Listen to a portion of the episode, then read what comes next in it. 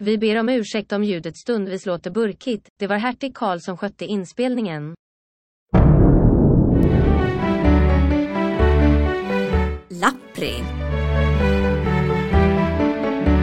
En podd om historiska öden och äventyr.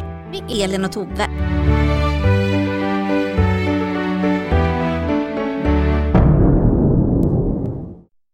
I april 2017 arrangerades evenemanget Fire Festival, Fire med Y, på Great Exuma Island i Bahamas.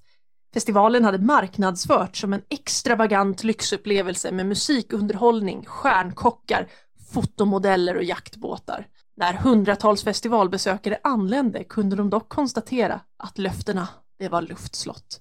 Artisterna hade dragit sig ur och istället för lyxvillor erbjöds gästerna nödtält som var genomblöta på grund av kraftiga regnstormar. Lyxkockarna var ersatta av brödbitar med ost och det fanns knappt bajamajor eller någon annan typ av förnödenheter. När natten föll urartade det hela i ett inferno som har liknats både med Flugornas herre och The Hunger Games, fast för Instagram-influencers. Festivalen stängdes omgående ner av myndigheterna och det hela slutade med bland annat fängelsestraff för huvudarrangören. Elin, minns du när det här hände? Ja, jag följde det väl inte riktigt i realtid som vissa andra gjorde och det var lite synd. Men sen har jag sett båda dokumentärerna som har gjorts om Firefest. Jag har bara sett den ena och den har jag sett typ hundra gånger men jag har inte kommit över den andra. Okej, ja, nej, men Men- men... se, se den andra några gånger till. Det, det är nästan värd. Alltså jag, jag älskar Fire Festival. Men tänk om jag skulle berätta för dig att vi hade vårt alldeles eget Fire Festival i Sverige, fast 1785. Och istället för någon slick entreprenör som arrangerade det här så var det Gustav III själv som var arrangör. Alltså kungen. Ja, kungen Gustav III och det var inte Instagram-influencers som blev utsatta för det här utan det var hela svenska hovet. Då blir jag intresserad och vill höra mer. Eh, och det låter alldeles utmärkt för det är det, precis det som jag ska prata om. Yay, vilken tur!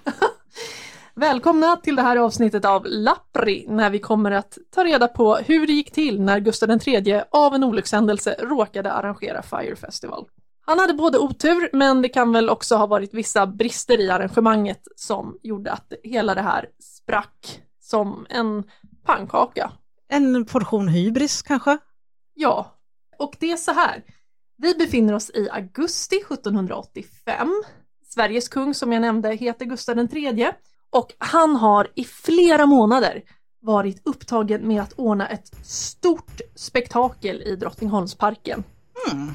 Ett diversemant i riddarstil. Och vad är ett diversemant? Ja, eh, det, är så här. Alltså Gustav III, han gillar riddare och han gillar medeltiden. Han är väldigt historieintresserad. Han skulle varit på Visby medeltidsvecka om han hade levt idag. Och ja, han hade tagit hela, vecka 32 hade han pratat om i hela året. Ja, Ja. Eh, det han var nörd. han var en nördig kille, det var han. Och i slutet av 1700-talet så är medeltiden väldigt populär. Och så vi har ju väldigt lätt att jämföra med det idag eftersom att du säger direkt medeltidsveckan. Ja. Ja, nu kommer kanske lite Tove-lore här för de som är intresserade. Ja, Men jag är en gammal marknadsknalle eh, som har jobbat på medeltidsmarknader. Så att jag kan faktiskt berätta att var och varannan ort runt om i Sverige och även Norge där jag har arbetat har sin egen medeltids eller riddar, om inte vecka så i alla fall helg eller dag. men Gustav III var först kan Han, säga. han var väldigt tidig med det här. Ehm, så att det här är någonting som är väldigt populärt idag och någonting som var superpopulärt då. Ja, Eh, Så att för oss som lever idag, vi kan ju ganska lätt förstå den här fascinationen för förr i tiden. oh ja, speciellt vi två. Vi två ja, kan finnas, kan finnas eh, bevis för det. Och Gustav III, han har tidigare hållit på att arrangera olika turnerspel Mm. som han tycker att det är väldigt kul att arrangera. Och både, en gång var han mitt i Stockholm, alltså nuvarande Mariatorget, men då hette det Adolf Fredriks torg. ja, sin pappas torg Ja, där ordnade han lite riddarspelfestival en gång. med medeltidsmarknad där man kunde köpa liksom, lite struthettor och Ja. Fästing, vet. fästing halsband till hundar och ja, ja. to, tovad ull brukar vara någonting som säljs på de där. Vi, vi har inte belägg för det här men förmodligen var det så. Men nu ska jag säga också det här, Gustav hade inte varit nöjd med mig. För att på den här tiden så skilde man på riddarspel och på någonting som man kallar för karuseller. Okej. Och eh, riddarspel, då är det liksom det man tänker, vi, vi tänker oss ett riddarspel, de kommer in med riddarkläder, de ska rida och göra olika plocka ringar. Ja, ja, och, ja. Eh, och då gör man det under sitt eget namn, så då är det så här, här kommer greve Ribbing och nu ska han rida. Och så rider han. Ja. Men, är det någonting som heter karusell, då har man gått all in med teaterkostymer och man har hittat på någon episk handling som det här riddarspelet handlar om då. Så att det är liksom, han skilde på dem väldigt noga. Det är ett mega live. Det är ett jättestort live fast för typ hela svenska överklassen. Ja.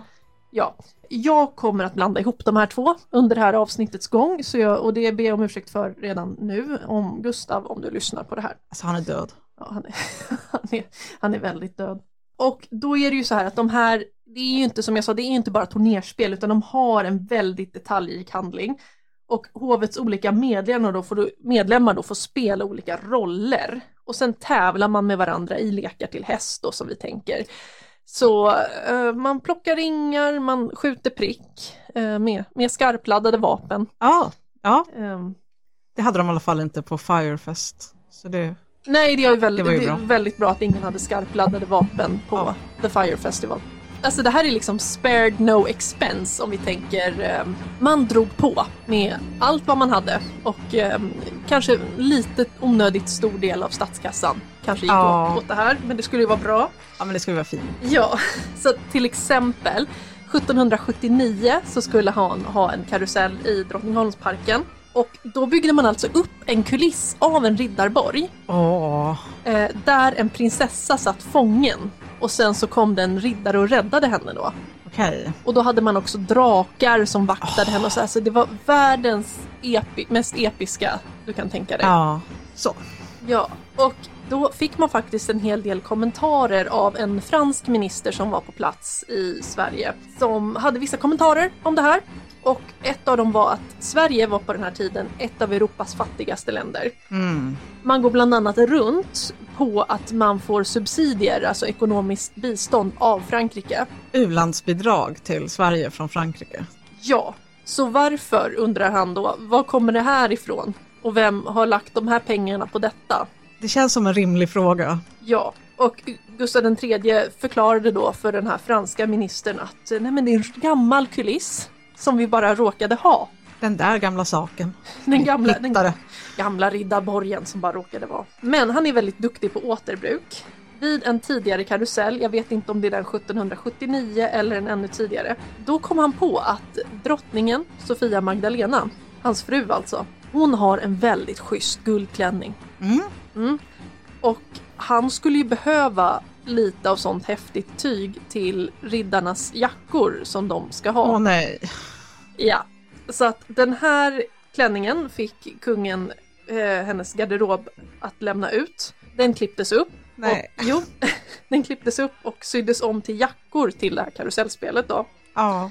Och det här insåg inte stackars Sofia Magdalena förrän hon såg de här riddarna med jackor på. Jag känner igen det där tyget. Ja, det var precis det hon kände igen tyget. Och så dog ytterligare en bit eh, inombords av Sofia Magdalena den dagen. Ja, och den stackars kvinnan som var ansvarig för hennes garderob blev, som det stod i beskrivningen, bortskö- bortkörd som en förbryterska.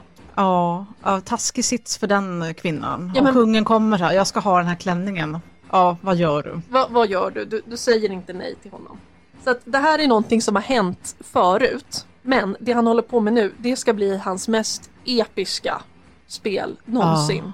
Det här är hans magnum opus, det här är liksom det som det allt har byggt till. Ja men precis, det största, det mest avancerade han någonsin arrangerat. Och det här är för att fira hans gunstling och nära vän, den unge Gustav Maurits Armfelt. Ja, den jäveln.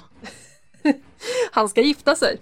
Och vem är den här Armfelt kan man undra. Ja, det är det många som ställer sig den frågan på Och 17, varför? 1785 också. Eh, Armfelt är vid det här tillfället 27 år gammal och han har känt kungen i ungefär fem år. Och han har gjort en riktig raketkarriär sedan han träffade kungen då för bara fem år sedan. Mm. Och då var han 22, så en Ja. spoling. Det, det var han, han var, oj. Precis, han var en liten spoling när han träffade Gustav III utomlands. Och han har figurerat väldigt mycket som kungens festfixare, han har arrangerat teaterstycken för hovet, han fick följa med kungen på en resa till Italien som de återvände från sommaren 1784, så ungefär ett år sedan. Han är kungakompis, Han är, extraordinär. ja, det är han. Han får väl ganska oförtjänta utnämningar och sådär, kan väl, eller väl ganska många som tycker. Ja, Och han kommer från en anrik krigarsläkt och Gustav III är ju väldigt noga med att Armfelt, han ska få ett riktigt gott gifte. Så Gustav III har planerat att Gustav Maurits Armfelt ska gifta sig med Hedvig Ulrika de la Gardie. mm.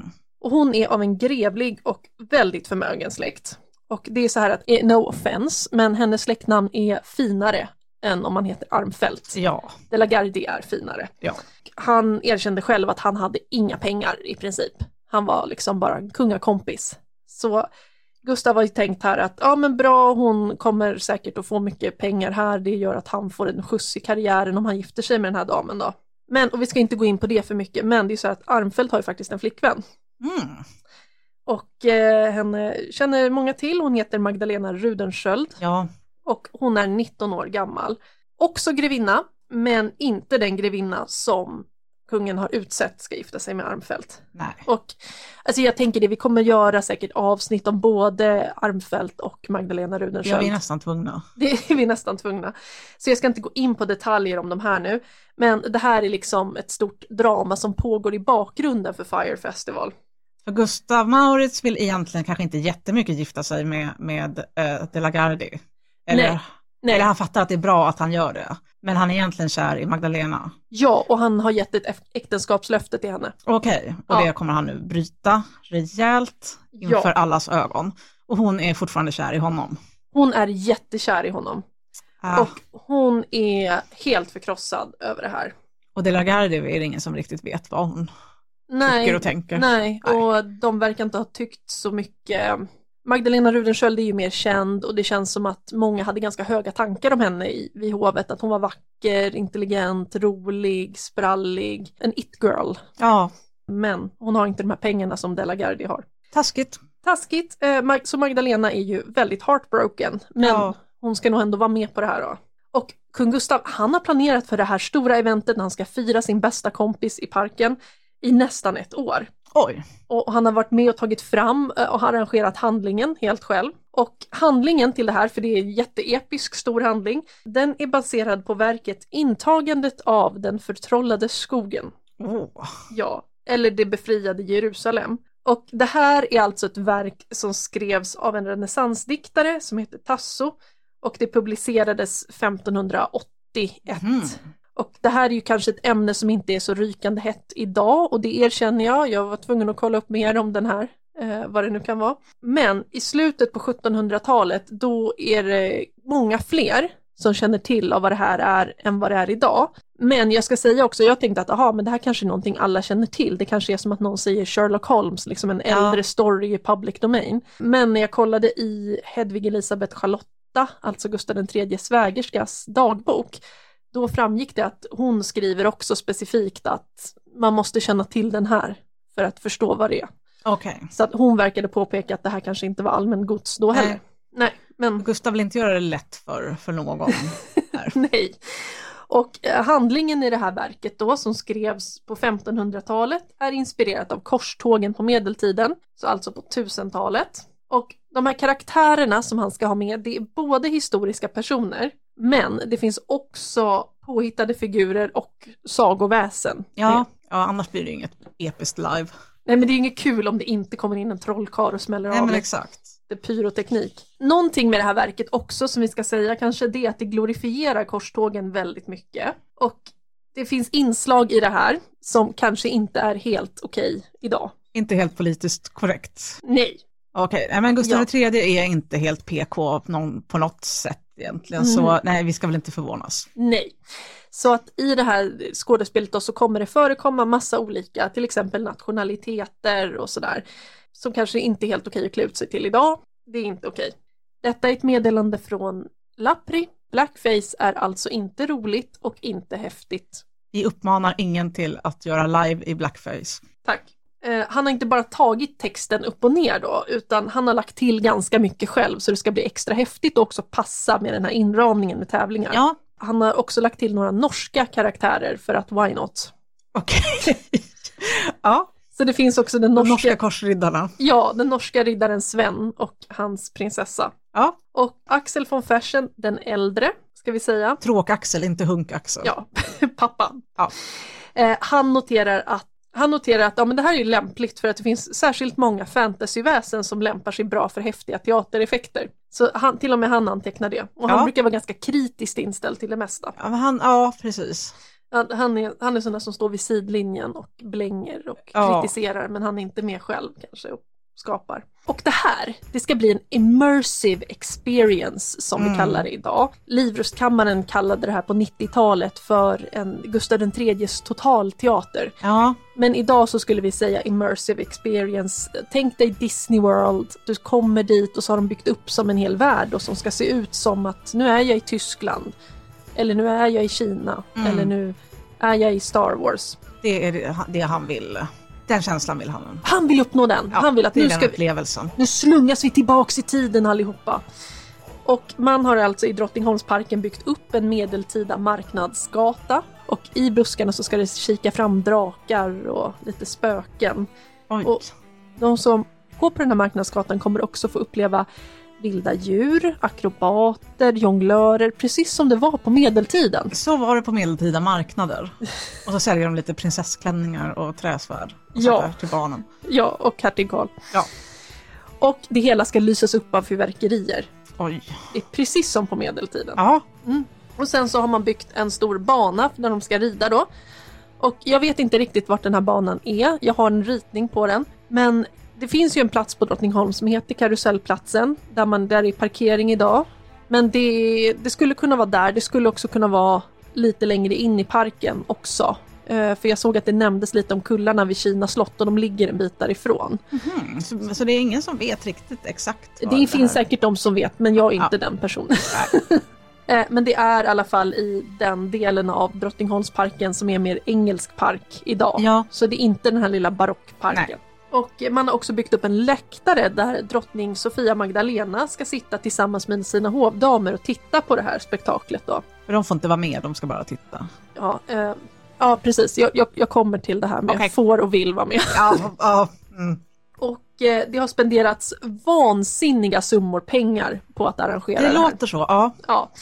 Massor av arbetare inne i centrala Stockholm är anlitade för att skapa dräkter och dekor och rekvisita. Och det är under ledning av det här fransmannen som jag har jättesvårt att uttala. Depré, heter han så?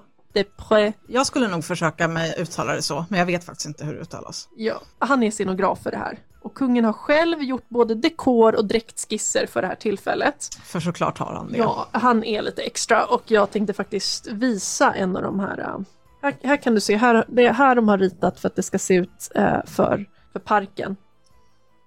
Just det, Han har ritat en plan och sen så Mm. är det en dräktskiss där du kan se med lite plymer och Där har vi plymer ja. Ja men Ja. det är ju rasande grant det här. ja, kungen har liksom suttit Och där ser man att det är stackars vaktmeister som ska ha den där, just den där plymkronan. Ja, Ja, den ska han ha. Kungen har ju liksom personligen suttit och designat kostymer för det här. är det här det största han någonsin har gjort hittills under sin regeringstid av allt liksom? eh, Större än hans egen revolution typ. Alltså det kanske det mest hängivna arbetet han har hållit på med. Ja. Kanske det mest dedikerade han har Ja. hållit på För att det här är ju roligt att göra. Jättekul. ja, dra till med något sånt här liksom. Och han har ju förstås, eh, som du hittade på internet, låtit trycka upp hela det här programmet i ett programblad. Ja, för att alla är ju så vansinnigt intresserade. Ja, och det här ska ju liksom man kunna läsa även om man inte är inbjuden att eh, titta på det här. Så, kan man, så ska man i alla fall läsa det. Och Få några små smulor från, från bordet. Ja, hela handlingen finns med och alla roller förstås. Och eh, allting är skrivet på franska då så att det är tillgängligt men det är inte för kreti och pleti. Nej, det är inte ett folkligt arrangemang det här, det måste man förstå. Nej, dock så sköts det med kanonskott inne i centrala Stockholm de dagar när det var spelet så att alla skulle veta att nu pågår spelet. Och bli lite störda. Och... Precis det man vill ha. Och innan du frågar det här Elin, för det tänkte jag att du kanske kommer göra, så ja, han har paxat den tuffaste rollen åt sig själv. Jaha! Visst är det oväntat? Ja, Ja, killen som äger bollen får bestämma. det är klart. Ja. Ja. Och han har ju skrivit den själv också. Ja, Så. så att den tuffaste rollen är alltså Syfax, konung av det steniga Arabien. Det är Gustav den tredje. här. Det är Gustav Mm. den IIIs roll som han har valt till sig själv. Och detta är en historisk person som var kung över det området som är Alger idag. Mhm. Okej. Du kommer också fråga vem fick hertig Karl vara? Ja, Han fick vara Guelf, de tyska riddarnas ledare. är det en tuff roll eller fick han en ganska dålig roll för att han är Karl? Alltså han har en tuff roll. Okej. Eh, Syfax är ju liksom utmanarnas ledare och Mm. hertig Karl är ledare för försvararna, för de kristna. Och Syfax är ju Okej. liksom de muslimska Ja, eh, länderna då. De, ska, de är fiender mot varandra ska de föreställa. det stämmer ju rätt bra med, med verkligheten i alla fall. Ja, och jag tror att Fredrik Adolf fick vara Renault, Ronaldo. Han fick vara den tredje tuffaste. Och bara ifall någon inte sitter och håller koll här, Karl och Fredrik Adolf är ju Gustav IIIs lillebrorsor. Precis, precis. Och det, vänta, ja, och det här ska pågå i tre avdelningar under flera dagar med paus emellan.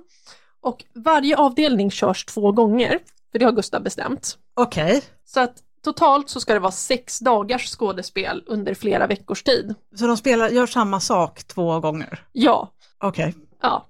ja, nej, ja, ja, nej jag säger bara så. Men- Jävla Teletubbies upplägg. Igen! Igen! Ja, gud. Ja, nej, men det är en narcissist vi har att göra med här så. Men redan under planeringsstadiet så börjar ju problemen hopa sig nej. för Gustav och hans chanser att få planera sina drömmars skådespel. Problem ett. Alla är så jäkla tråkiga. Ah, Ingen vill vara med och ställa upp. Det är ingen som delar hans vision. Nej! De, upplever, de verkar uppleva det mer som att chefen kommer och nu ska vi ha tokroliga grejer här på sommarfesten. Ja, Elin tar på dig plymhatten. Och upp på hästen, nu ska du plocka ringar. samtidigt kan man inte säga nej. Nej. Det, är, det är som sagt chefen. Precis. Och eh, han har svårt att rekrytera folk. Eh, och då börjar han med att rekrytera sin närmaste familj då, som du nämnde, prins Ja. hertig Karl och Fredrik Adolf. Men sen hade han tänkt en roll också till eh, hertig Karls fru, Hedvig Elisabeth Charlotta. Mm. Ingen Men- kommer undan. Nej, men hon, hon är med, men sen får hon besked att hennes pappa plötsligt har gått bort. Åh nej. Ja, så att hon är i väldigt djup sorg. Och, Och har en väldigt bra ursäkt att inte Ja. vara med. Ja, nej, hon orkar inte. Nej. Hon är helt förstörd. Eh, och sen hade det inte ansetts lämpligt heller, Nej. även om hon inte. Men, så hon har ju faktiskt en ursäkt. Men alla andra är tråkiga. Vi, vi kan ju börja med Armfelt, vars bröllop det Han är ändå huvud, ja, Ja, huvudpersonen han, han är huvudperson för det här. Det här är, vi, vi arrangerar det här för honom. Ja, var tacksam. Tror han ställer upp? Att han vill inte vara med. Han och den blivande bruden vill alltså inte gifta sig i de teaterkostymer som Gustav har tänkt. De vill inte ha ett livebröllop. Nej. Okej, ja, nej men alltså förståeligt. Ja, det, och det finns ett eh, fantastiskt porträtt av Gustav Maurits som jag tänker att jag ska lägga upp på Instagram som är från det här tillfället i teaterkostym. Okej, Jag misstänker att det kan vara den som Gustav hade tänkt att han skulle ha på sig vid, vid det här tillfället. Men han lyckas faktiskt bråka sig ur det här, utan de, de får gifta sig i sina modedräkter.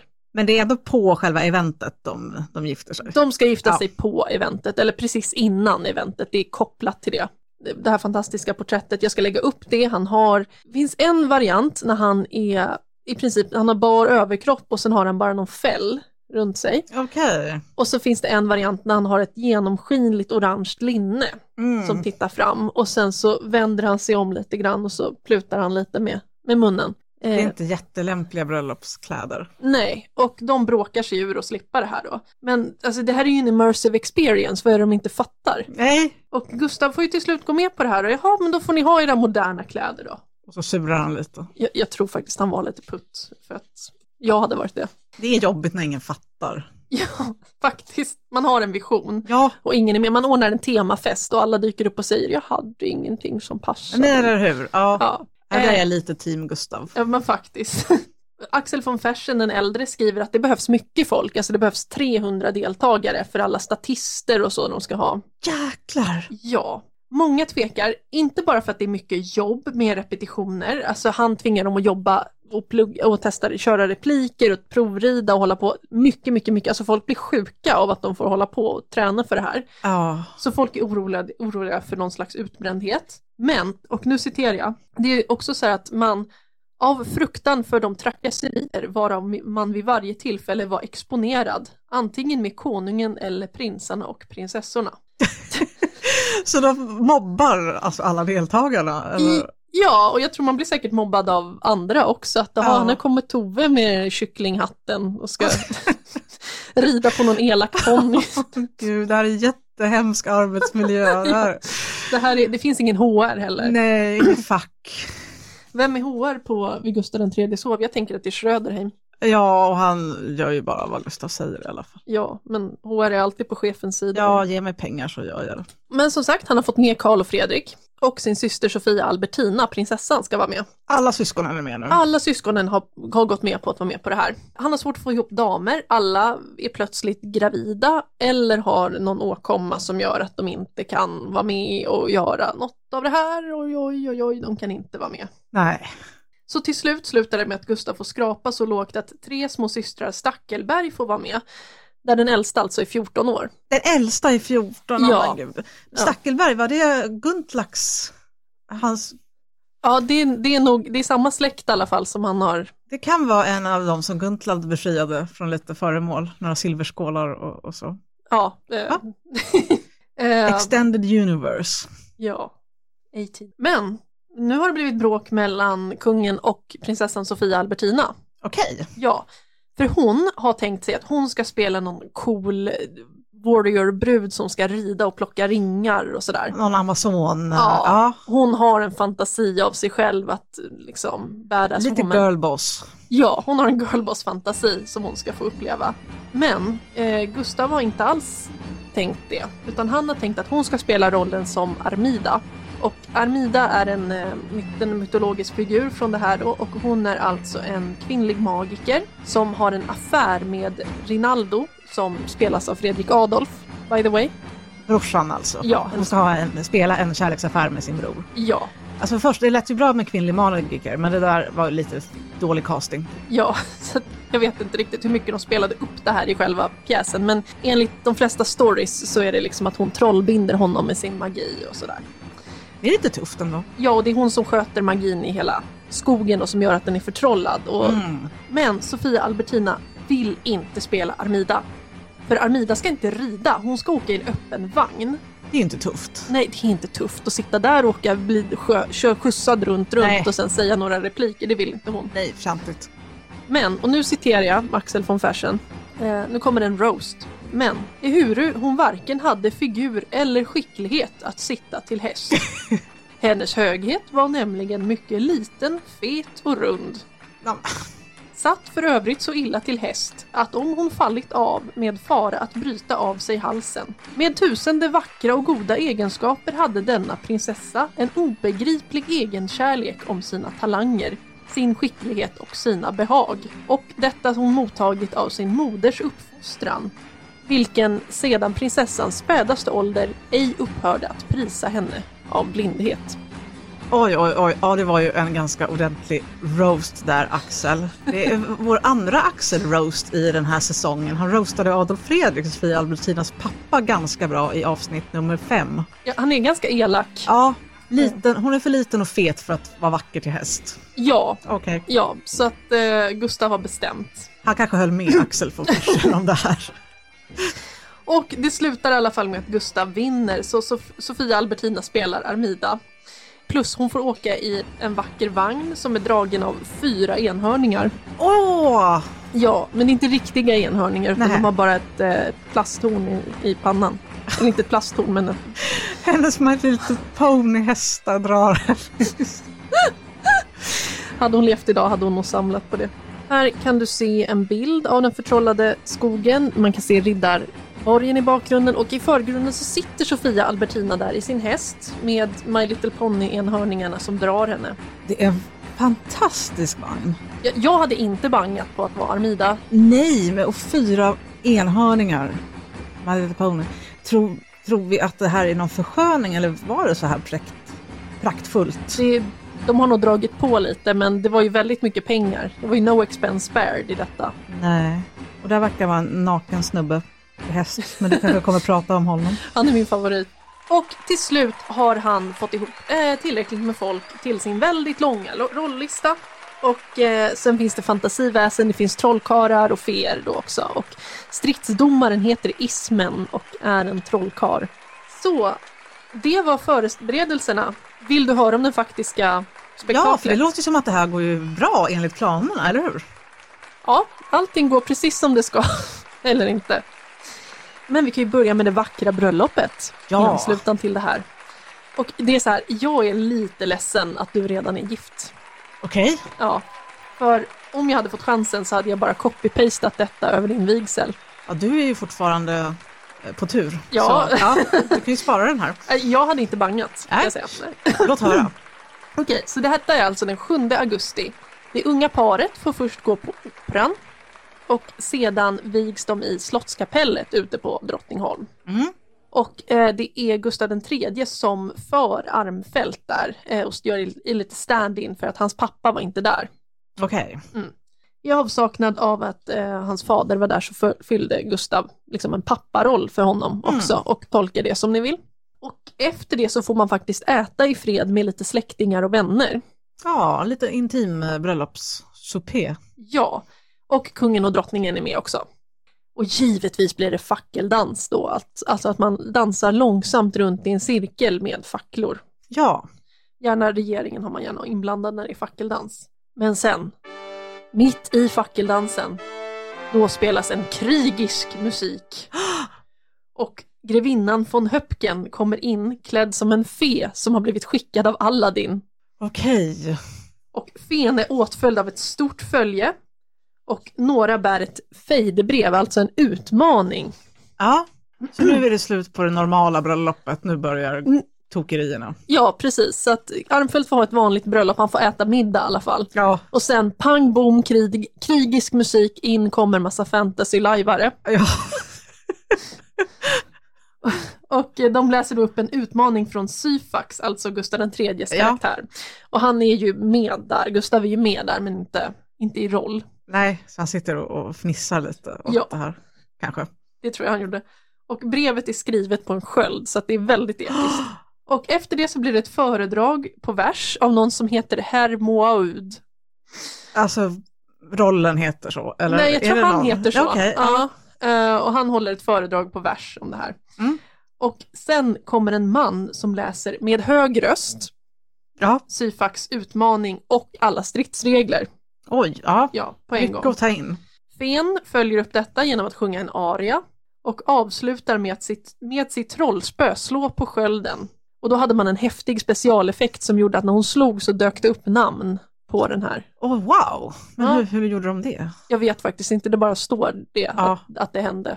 Det kanske var något osynligt bläck, jag har ingen aning. Ja, men tufft låter det i alla fall. Ja, teatertekniker, hör gärna av er och gissa på, förklara hur det här går till. Och en annan härold läser upp då eh, Godfrids svar, alltså de, de kristnas svar där. Mm. Och de här lajvarna efter det drar sig tillbaka och där avslutas bröllopet. Mm. Precis det man vill ska hända på sitt bröllop. Ja, Och några dagar senare, då börjar riddarspelet. Så det är liksom inte att de blir kidnappade direkt från vigseln. är okej. De får eh, några dagar på sig Ja, och förbereda sig och som öva. nygifta. Ja. Ja. Eh, och man behövde ju publik för det här, för att nu ska ju alla vara med på det här. Så att eh, då har kungen ti- faktiskt tillåtit allmänheten tillträde. Så det kommer rätt mycket folk till det här för att titta på spektaklet. ja. Läktarna är packade, man har byggt upp ett stort riddartorn i fonden. Man har hela den här marknadsgatan med vilda djur och spöken och gastar och medeltidskänsla och det är säkert någon mus- musiker där som spelar musik. Och... ja men säkert här, tavern music. Ja. Tavern Music 10 hours. Ja, Repeat. 300 deltagare i dräkt. Det Alltså, är ganska mäktigt. det här är det Gustav har planerat för i ett år. Och mitt under det här då, under första dagarna, då har de som en liten läktare där Gustav Maurits Armfelt och eh, Hedvig de la Gardie sitter då, bröllopsparet får ju sitta och titta på det här. De behöver inte vara med men de får sitta i några roliga outfits. Och De är någon slags hedersgäster så. Ja, och titta på det här Rudarspelet. Magdalena Rudensköld spelar någon typ av följeslagare åt en av riddarna. Och hon Okej. beskriver själv att hon har klätt sig i en klänning som lämnar armarna bara, halsen är bar och den är ganska skir och hon har en lång slöja som liksom svävar ner över hästen.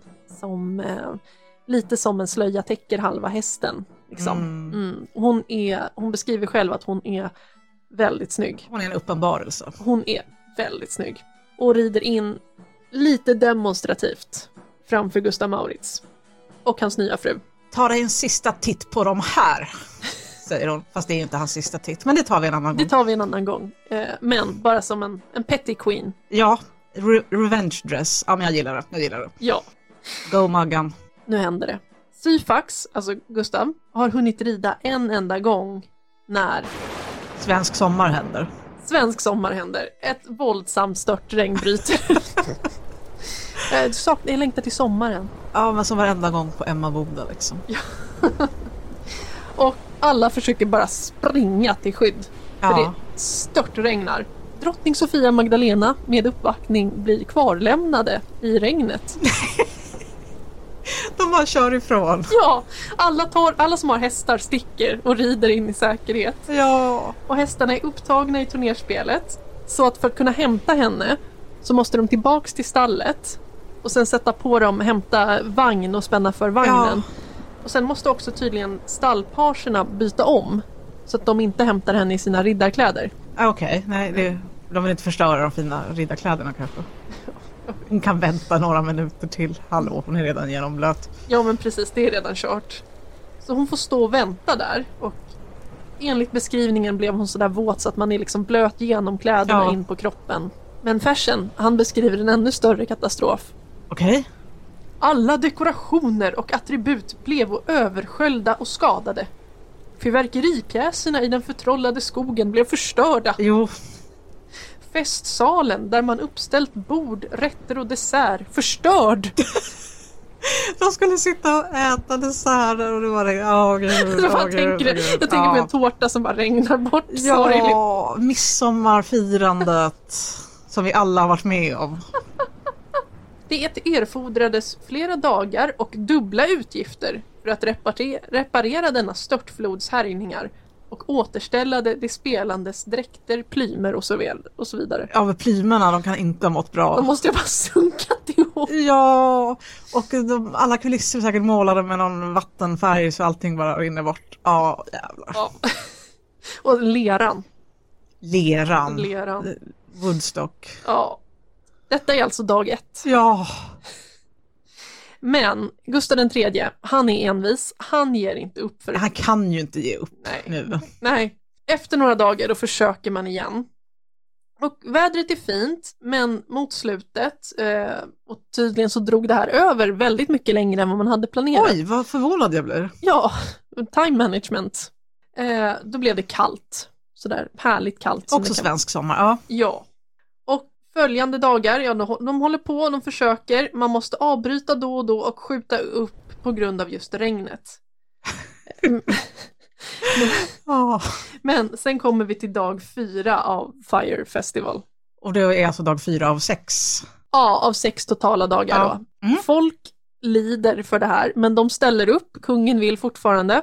Eh, han har väl varit lite oroad att, han är ju lite skrockfull, så han har väl varit lite så här, "Ja, det känns ju lite som att högre makter är emot mig, det regnar Ja. hela tiden. Men han har ändå blivit pushad av folket, nej men bara, gör klart, Ja, nu, nu gör vi det här.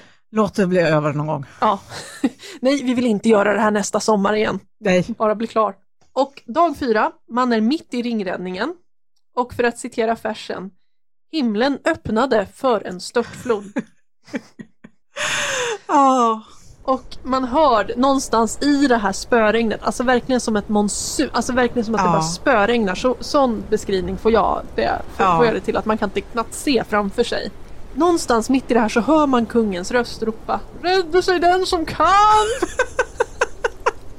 Han överger sitt eget skepp mer eller mindre.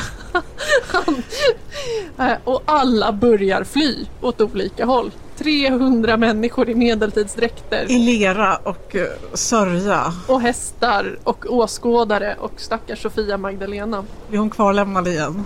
Jag vet faktiskt inte. Däremot så har vi ju prinsessan Sofia Albertina i rollen som Armida. Ja, i sin My Little Pony-vagn. Ja, hon står där i sin My Little Pony-vagn med sina fyra vita enhörningar. Ja. Och de här hästarna är beskrivna som väldigt eldiga. Ja. Ja.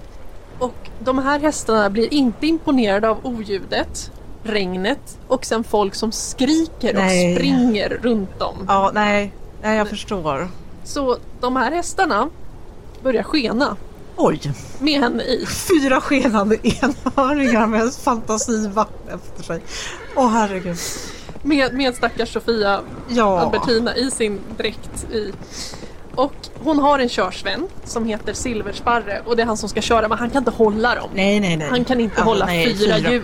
Alltså fyra stora djur på 500 kilo vardera, det går inte att hålla in om de Nej. inte vill. Så de här hästarna springer i vansinnigt hög fart med prinsessan i bak som försöker hålla i sig för glatta Ja. livet. Och Silversparre han försöker styra in dem mot ett träd. Han försöker få dem att tvinga att stanna mot det här trädet. Men det han riskerar nu det är att krossa hela vagnen om den får sladd. Ja, och då blir inte Gustav glad. Nej. Och prinsessan blir livrädd när hon förstår vad han håller på att göra. Ja. Och tänk på att det är spöregn. Hon ser ingen... Alltså, Nej, det, nej. det är bara spöregn. Hon sitter i den här vagnen. Han kör mot ett träd. Sofia Albertina hoppar. Oj. Hon kastar sig ut från den här vagnen. Tar ett språng genom luften för sitt blotta liv. Ja. Och faceplantar. Oj, alltså ansiktet i, i marken. Hon tar Ja. inte emot sig med händerna, hon tar emot sig med ansiktet. Enligt fashion så ramlade hon på sitt ansikte. Från den här ganska stora vagnen ändå. Vi kommer lägga upp en bild på den på Instagram. Ja, Så det är klart vi gör. I ösregn så ligger hon där nu Ja, med ansiktet ner i lera. Och Silversparre han lyckas faktiskt dra, dra till och stanna vid det här trädet. ja. Men på något sätt så lyckas hon hoppa i samma riktning som vagnen sladdar. Oj, ja. Ja, eh, så enligt eh, den här historieskrivningen då så säger man att det var väldigt farligt nära henne där att hon höll på att få den kanske över sig om han inte hade lyckats stanna precis där. Okej. Jag vet inte om det är sant eller om hon bara är dramatisk. Ja, jo. Mm. Fast det låter som att det var ganska dramatiskt. Det- så ja. låt henne ha den då. Jag hade också kört på den. Ja. Jag hade bara åh Elin, åh nej Elin stannade inte, Elin körde mot ett träd och jag ramlade. Jag var så nära att dö. Ja. Så det, det är liksom dag fyra av Oj, det här. ja. Det, det är den stora, ja, det är Sofia Albertina faceplantar i lera. Får hon några skador? Hon får lite skrubbsår, Okej, ja. men hon är inte allvarligt skadad. Fortsätter hon vara med sen? Jag tror faktiskt hon gör det. Hon är en trooper. Alltså, Det kanske är något Stockholmssyndrom som har börjat drabba de här deltagarna också nu. Men det, det finns andra som är allvarligt skadade. Kungens bror, hertig Karl, Vad fan har han gjort nu då? enligt Axel von Fersen den äldre, citat, rätt skral ryttare. Han ska ha styrt sin häst ganska dåligt mot ett stängsel och klämt sitt knä. Okej, ja men Ja. hur dum får man bli? Och i, enligt hans fru, i stor smärta och nästan avsvimmad fick han bäras bort. Oj! Ja, kanske också någon som drar på lite grann när man Jag, klämmer sig lite. klämmer sig inför publik. Ja, Ja, det kan ha hänt på ett rep. Jag, jag vet inte riktigt, men det var i alla fall folk där som såg hertig Karl rida, mot, rida rakt in i ett stängsel. Eh, så han är tvungen att få läkarvård och få ligga inne. Och i samband med det så lyckas Karl få mässlingen. oj! Ja, för mäss, det verkar vara några stycken som är smittade med det och han får det. Så det är regn, regnskurar och eh, lite allmänna skador och nu mässlingen också? Ja. ja. Ja, Och eh, greve Magnus Stenbock ramlar av hästen och får ligga till sängs. Har vi tre personskador nu om vi räknar med Sofia Albertinas skrubbsår? Ja, eh, vi har lilla fröken Stackelberg som är 14 år. Eh, hon också ramlar av hästen. Men- Ja. Och eh, hennes lilla syster blev sjuk av överansträngning, står det bara. De jobbade den här stackars flickan Ja, och det in i stod... väggen. Ja men det gjorde de, det, det står också i hand, det, det var ingen hade sett så unga flickor ri, sitta till häst i en här, den här typen av karusellspel. Nej, de skulle ju varit i publiken om, om något. Ja, och det här visar ju lite på hur svårt det var att få ihop folk. Ja, Mm. Men, och det här kan ju ses som lite dramatik, men nu händer det faktiskt något som är en riktig jävla katastrof. okej. Under en av repetitionerna, för man repeterar varje dag innan Såklart man gör. Mm. Mm. Så har man en stallpage, kungens stallpage, han heter Ernst Kristoffer von Platen och han är 18 år gammal. Mm. Och hans jobb är att stå vid det här stängslet som hertig Karl red in i. Du måste stå där så ingen annan dumskalle ska rida in i det. Nå, nej men alltså han står där och ska räcka och ta emot kungens vapen när kungen ska byta. Okej. Och när han ska räcka över en pistol till kungen så tittar han på den och tänker att något kanske är fel. Så han fingrar lite med den här, försöker ordna det, undersöker den närmare. Och Det skott, här låter inte bra. nej, skottet går av. Ernst Kristoffer blir alltså träffad och råkar skjuta sig själv mitt framför kungen. Var? Det står inte, Mm. men han lever, men han avlider efter ett dygn. Nej, Alltså. men... Ja, han, han dör. Och så, så, så Gustaviansk Firefest har nu tagit sitt första dödsoffer. Ja. Och ja, alltså tydligen använder ju de här amatörerna riktiga vapen och Ja, det verkar jättesmart. Ja, man skjuter skarpt alltså Ja. inför publik och med, och jag kollade upp lite, men gör man inte det sån här cowboy barrel racing? Men inte ens de gör det i USA.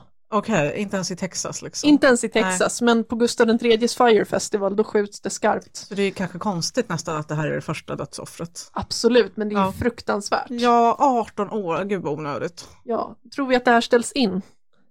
Eh, nej. Nej, the show must go on, Ja. Elin, herregud. Höll man någon tyst minut för honom tror du? Jag, jag vet faktiskt inte om de, om de gjorde det eller om... Det, Han dog för kung och fosterland i Ja, alla fall. det gjorde han. han. Han dog för att uppleva, uppfylla kungens fantasi. Ja, Men det här fortsätter då ytterligare nå- några dagar då. Och efter det här är avslutat så är folk tydligen så glada att se varandra, eller enligt färsen så är folk så glada att se varandra välbehållna som efter återkomsten, återkomsten från ett bataljfält. och då tror inte att de någonsin ska få se varandra igen. Nej. För antingen så dör man själv eller så kommer ens nära och kära dö i det här. Ja, Ja, alltså folk, det är den det, mentaliteten man har. Ja, de är så jävla unsafe och i någon jävla medeltids hemmasydd medeltidsdräkt också. Ja, trauma på trauma på trauma. Ja. Nu, nu, och nu kan vi säga, nu har spelen stängts. Nu har vi dragit oss igenom de här sex dagarna av... Nu, Nu är det över. är det över. Och om du undrar så var det stallmästaren Roland som vann första priset. Okej, Ja, han var bäst på att ränna ringar? Eller? ja och göra Ja. de här olika utmaningarna. Han hade fått flest poäng. Mm. Och eh, hertig Karl vann också ett pris, men eftersom han var skadad med sitt onda knä eh, större delen av spelet så avstod han eh, i, till förmån för de som hade ridit i hans ställe. Oj, men det kanske var det enda ädla han har gjort i hela sitt liv. Och det var ett ganska tufft pris, det var ett par guldpistoler. Åh jäklar! Ja, men det hade ju inte sett bra ut. Nej, Nej. det fattade kanske inte han själv, men någon annan gjorde det och sa nej Karl, du kan inte få guldpistolerna. nej, nej. Säkert Hedvig Elisabeth Charlotta. Eh, men som epilog så kan vi säga att Karl ändå lyckas sprida mässlingen till både sin fru, Hedvig Elisabeth Charlotta, och flera herrar, damer och betjäning vid hovet. Så vi, naturligtvis gjorde han det. ja, så vi avslutar med en liten, vi avslutar med en liten eh, mässlingepidemi Ja, efter det här. Ehm, så de som inte blev allvarligt skadade eller avled i bataljen, de eh, kanske blev ordentligt sjuka i mässlingen. ja. Allt Eh. för, allt för visionen. Ja. Och herregud, ja, men det här var fantastiskt Så, roligt. så det här var, det här var eh, och det här var alltså diversementet, eh, intagandet av den förtrollade skogen 1785. Det måste ju legat en förbannelse över hela. Ja, Hela men herregud. planen. Ja, men alltså man har ju varit på sina dåligt arrangerade event, men Jo. det här var ju, det var inte bara då, översikt, det var ju väldigt mycket översikt från arrangörens sida, alltså kung Gustav, men det, han verkar ju ha haft rejäl jävla otur med vädret också. Ja, det också. Ja, det är nästan som en blandning mellan Woodstockfestivalen och Firefest och tänka speciellt på det här regnet och leran eh, och eh, att ingen kommer därifrån. Ja. Ja, det är fantastiskt. Ja, men det sätter lite saker i perspektiv här. Jag ska boka en konferens för 60 personer på jobbet och jag tycker sånt är jättejobbigt och jag ska inte ens ha någonting med innehållet av konferensen att göra men nu får jag lite perspektiv på det här på något sätt för jag tror ingen kommer i alla fall skjuta sig och det kommer nog inte bli skyfall inomhus. Ska du, ska du boka med något, det här är din chans Elin, du kan boka med något sånt här häftigt tema nu. Ett föredrag på vers tror jag skulle uppskattas av de flesta. Av Hermoaud, Ja, vad han nu hette. Ja, det, låter, det låter alldeles, alldeles strålande. Så- och förmodligen så hamnade Sverige ännu mer i skuld tack vare det här. Ja, det, det var inte billigt Nej. det här. Och jag, jag, alltså jag, jag tänker ibland på, för det här är ju också, det är ju inte bara en kunglig familj, utan det är också hela Sveriges politiska elit Ja, som ja. håller på. Alla som är någonting måste vara med. Ja, ja, faktiskt, faktiskt. Tack så mycket för att ni har lyssnat på Lappri. Och kom ihåg att om ni ska arrangera någonting, en konferens eller någonting, så håll inte på och tvinga folk att göra tokroliga saker. De vill inte göra det. De gör det bara för att du är deras chef. Ni har lyssnat på Lappri, en podd om historiska öden och äventyr. Vi som har gjort podden heter Elin och Tove. Ni kan följa oss på Instagram på lappripodd, besöka oss på lappripodd.se och om vi hade väldigt fel kan ni mejla oss på lappripodd@gmail.com.